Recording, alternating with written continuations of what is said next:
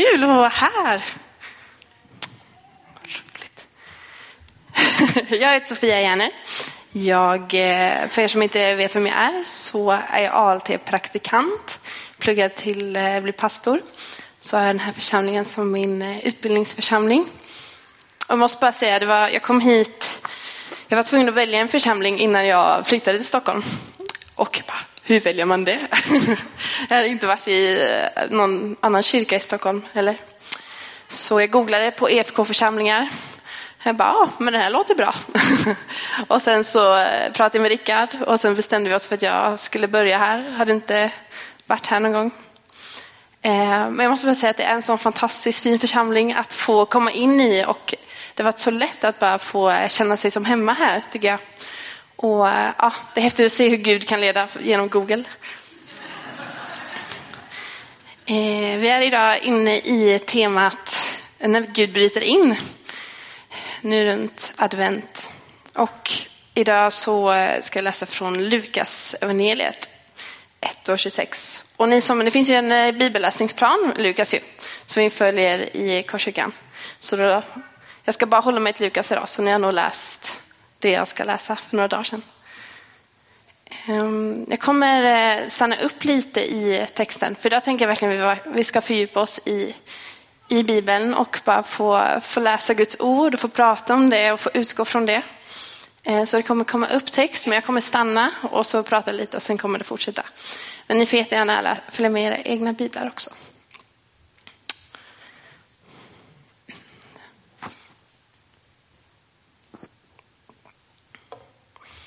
I den sjätte månaden blev ängeln Gabriel sänd av Gud till en jungfru i staden Nasaret i Galileen.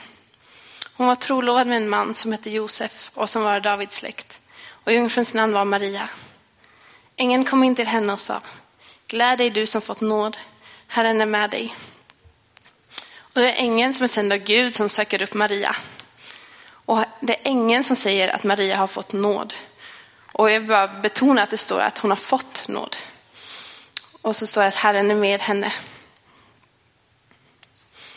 Men hon blev förskräckt av hans ord och, han, och hon undrade vad denna hälsning kunde betyda. Då sa ängeln till henne, var inte rädd Maria. Du har funnit nåd hos Gud. Du ska bli havande och föda en son och du ska ge honom namnet Jesus. Han ska bli stor och kallas den högstes son och Herren Gud ska ge honom hans fader Davids tron. Han ska vara kung över Jakobs hus för evigt och hans rike ska aldrig ta slut. Och hennes första reaktion var att hon blev förskräckt och förvirrad.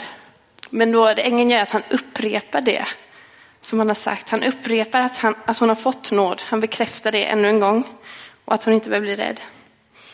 Och sen kommer ängeln med ett gigantiskt löfte och också befallningar att du ska föda och du ska ge honom namnet Jesus.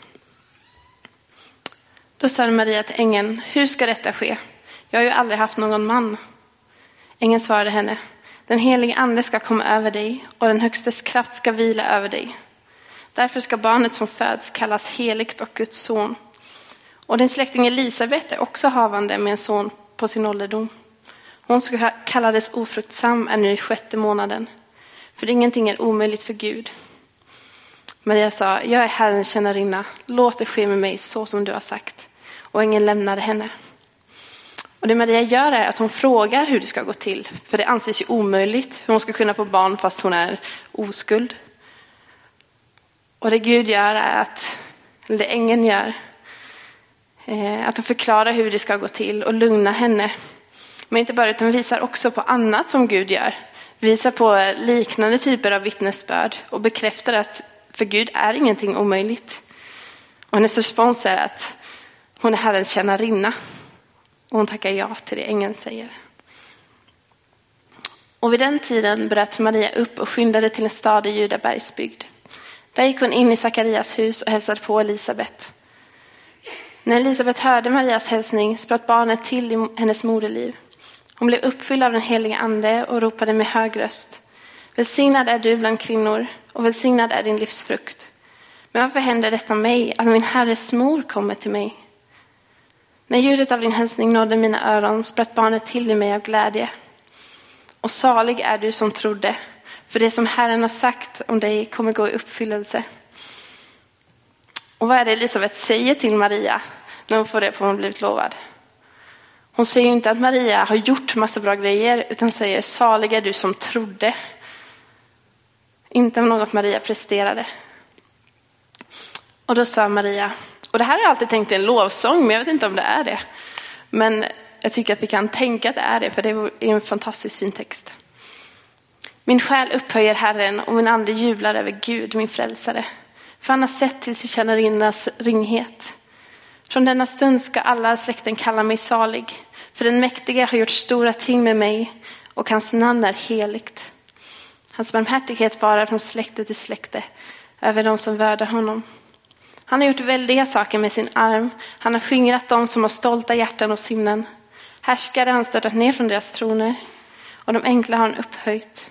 Hungriga har han mättat med sitt goda och rika har han skickat tomhänta bort. Han har tagit sig an sin tjänare Israel och tänkt på att vara barmhärtig mot Abraham och hans barn till evig tid. Så som han har lovat våra fäder. Och sen stannade Maria hos Elisabet omkring tre månader och återvände sedan hem. Och de här verserna handlar endast om vad Herren gör. Marias själ prisar honom för hans verk. Och det handlar ingenting om vad Maria själv gör. Utan hon tackar Gud för att han har sett till hennes ringhet. Och det handlar om att det är Gud som initierar och gör. Men det är också en kollektiv lovprisning. Det handlar om vad Gud gör för sitt folk, för hela Israel. Man kan lätt tänka så här, oj, Gud vill använda mig. Men Maria tackar Gud för att, wow, du ser till hela ditt folk och du vill använda mig i detta. Tack Gud för att du håller dina löften. Eh, hon inser att det inte handlar om henne och hennes egna kvaliteter. Och texten handlar inte heller om hur hon känner om sig själv. Och det jag vill fokusera på idag, eh, bland annat genom den här texten, är vår tendens att, att göra Guds kallelse till vår egen. Att ta det till oss själva och förvränga det på det sättet. För jag vet med, själv, med mig själv att när Gud ofta har kallat mig till saker eller upplevt att så här, det här vill Gud eh, det här vill Gud göra genom mig och det här vill han använda mig till. Då är det första jag tänker att men kan han använda mig? Vad har jag gjort? Jag börjar rannsaka mig själv. Skulle jag lyckas? Skulle jag duga till det här?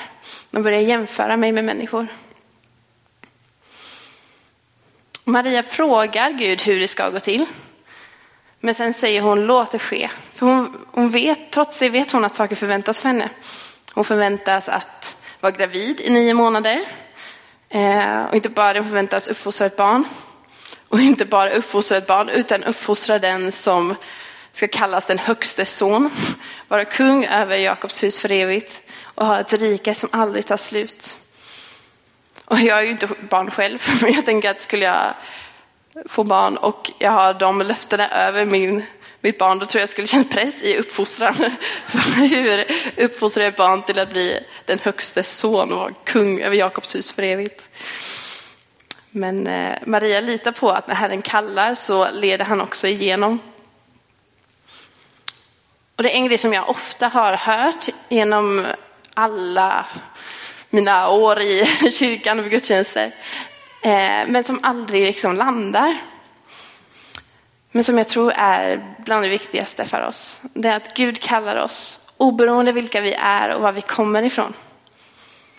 Och en lördag så satt jag här framför korset och bara helt plötsligt slogs av fiskenätet och av ja, men vi som människor fiskade och hur Gud liksom fiskar, fiskade in oss. Och så slog jag upp Lukas, eh, så hamnade jag i Lukas 5.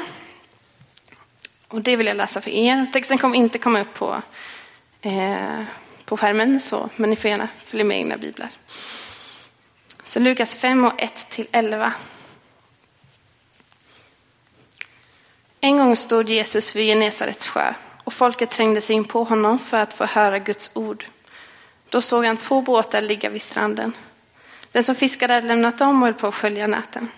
Jesus steg i en av båtarna, den som tillhörde Simon, och bad honom lägga ut lite från land. Sen satte han sig och undervisade folket från båten. När han slutat tala sa han till Simon, gå ut på djupet och lägg ut era nät till fångst.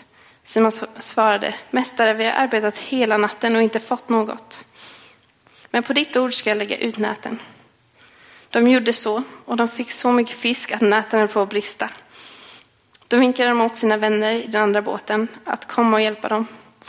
Och de kom och fyllde båda båtarna så att de var nära att sjunka. När Simon Petrus såg detta föll han ner vid Jesu knän och sa Gå bort från mig, Herre, jag är en syndig människa. Han och alla som var med honom hade gripits av bävan inför fångsten de hade fått. Även Jakob och Johannes, Sebedeus söner, som fiskade i lag med Simon. Men Jesus sa till Simon, var inte rädd, från och med nu ska du fånga människor.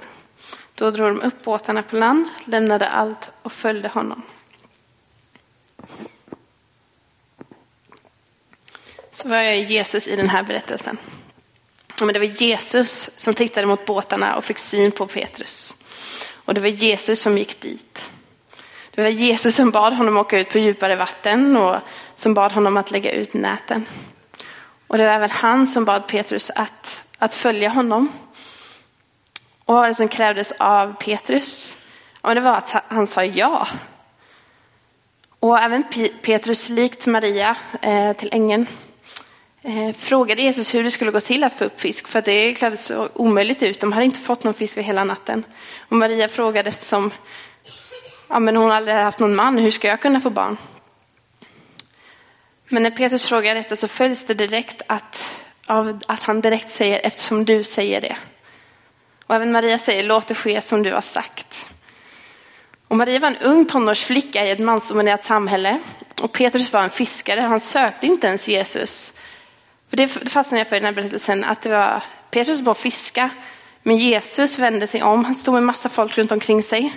Som jag gör nu. Och så vände sig om och så såg Petrus och gick dit och mötte honom. Men då ser vi att Gud kallar människor oavsett vad de är i livet. Och att det är han som kallar. Och så behöver vi kolla på oss själva lite. Så vi behöver ta fram två frågor. Som jag tror är viktiga att vi lever med. Som jag märker jag måste ha med mig i mitt liv. Vad kallar Gud oss ut i? Och vad behöver vi ha villiga hjärtan i? Vad, vad är det jag upplever när jag tillbringa tid med Herren? Att han säger att, att han vill göra eller visa mig. Och vad, vad är det jag behöver ha mod i det?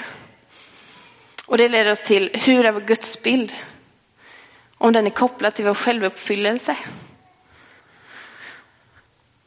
Och just det här med självuppfyllelse tror jag också är så viktigt att titta på. För Maria sjunger, har jag skrivit här. Jag tänker att, det är, att hon sjunger. Min ande jublar över Gud, min frälsare. Han har vänt sin blick till sin ringa tjänarinna. Från denna stund ska alla släkten prisa mig salig. Stora ting låter den mäktige ske med mig. Och hon klarade av att säga att alla släkten ska prisa mig salig. Bara just det för att hon, hon hade blicken fäst på Gud. Hon gjorde det inte till en grej kring henne själv. Och det är ändå, hon är ändå upphöjd i, i samhället och katolska kyrkan. Och liksom, hon är en, en man prisar för detta. Eh, men hon kan säga det i ödmjukhet. Så att ha villigt hjärta inför Gud innebär också att blicken är riktad till Gud. Att motivet bakom är rent och inte självuppfyllande. Mm. Och hon ser att det är Gud som utväljer och att det inte handlar om hennes egen förmåga. Och även hos Elisabet så tror jag att det är viktigt att finna inspiration. Att när Maria kommer till henne och berättar om, om vad hon har varit med om, om vad Gud har sagt till henne. Så ser vi ett ödmjukt och villigt hjärta. Att hon reagerar med vördnad och inte avund. Utan hon prisar Gud för vad hon, han gör med Maria. Tänk om vi kunde få leva mer så med varandra också att Lars-Göran kommer till mig och säger, men Gud har sagt det här till mig, att han vill att jag ska göra det här och att jag får reagera med att wow, tack Jesus för det, tack för vad han vill göra via dig. Och eh, inte börja tänka, men, ja, men ja, då, vad kallar Gud mig till? Ja, vad har han sagt till mig? Men vill han verkligen använda mig? Utan kunna, kunna se att Guds kallelse och Guds vilja är fantastisk oavsett vem den handlar om. Mm, och jag tror, eller tror inte, berättelsen om Maria är ju essentiell för oss, för vår kristna tro. Det är det det handlar om, att eh, Jesus har inkarnerat som människa genom den helige ande, genom Maria. Och att det var Gud som initierade detta. Och att det var han som tog första steget. Och Maria var villig, hon sa ja och tog på sig det som det krävdes av henne. Och båda berättelserna om, om Maria och Petrus så ser vi att de har inte presterat massa. De har inte försökt visa Gud hur fromma och heliga de var och vad de hade gjort, peka på sina gärningar. Utan Petrus faller ner inför Jesus och säger, gå bort från mig, jag är en syndare. Han får liksom syn på vad han, vem han är inför Jesus. Och det som är så häftigt när man läser detta, att, att vi får vara bräckliga och spruckna, ofullkomliga inför Gud. Och att han ändå vill använda oss. Att det är han som utväljer oss. Men också vi behöver vara villiga när Gud kallar oss. Och vi ser berättelsen att vi får fråga Gud vad han tänker. Det är inte så att Gud kommer och säger, ja men jag vill att du ska göra det här och att du bara måste ta det och försöka gå i det i egen kraft. Utan man får fråga, men hur, Gud, hur tänker du? Vad, det här ser ju jätteomöjligt ut. Hur är det du har planerat detta? Vi får också ifrågasätta. Men han vill lugna oss och han vill utmana oss. Han kallar Petrus ut på djupare vatten samtidigt som han säger att han är med honom och han är med i båten.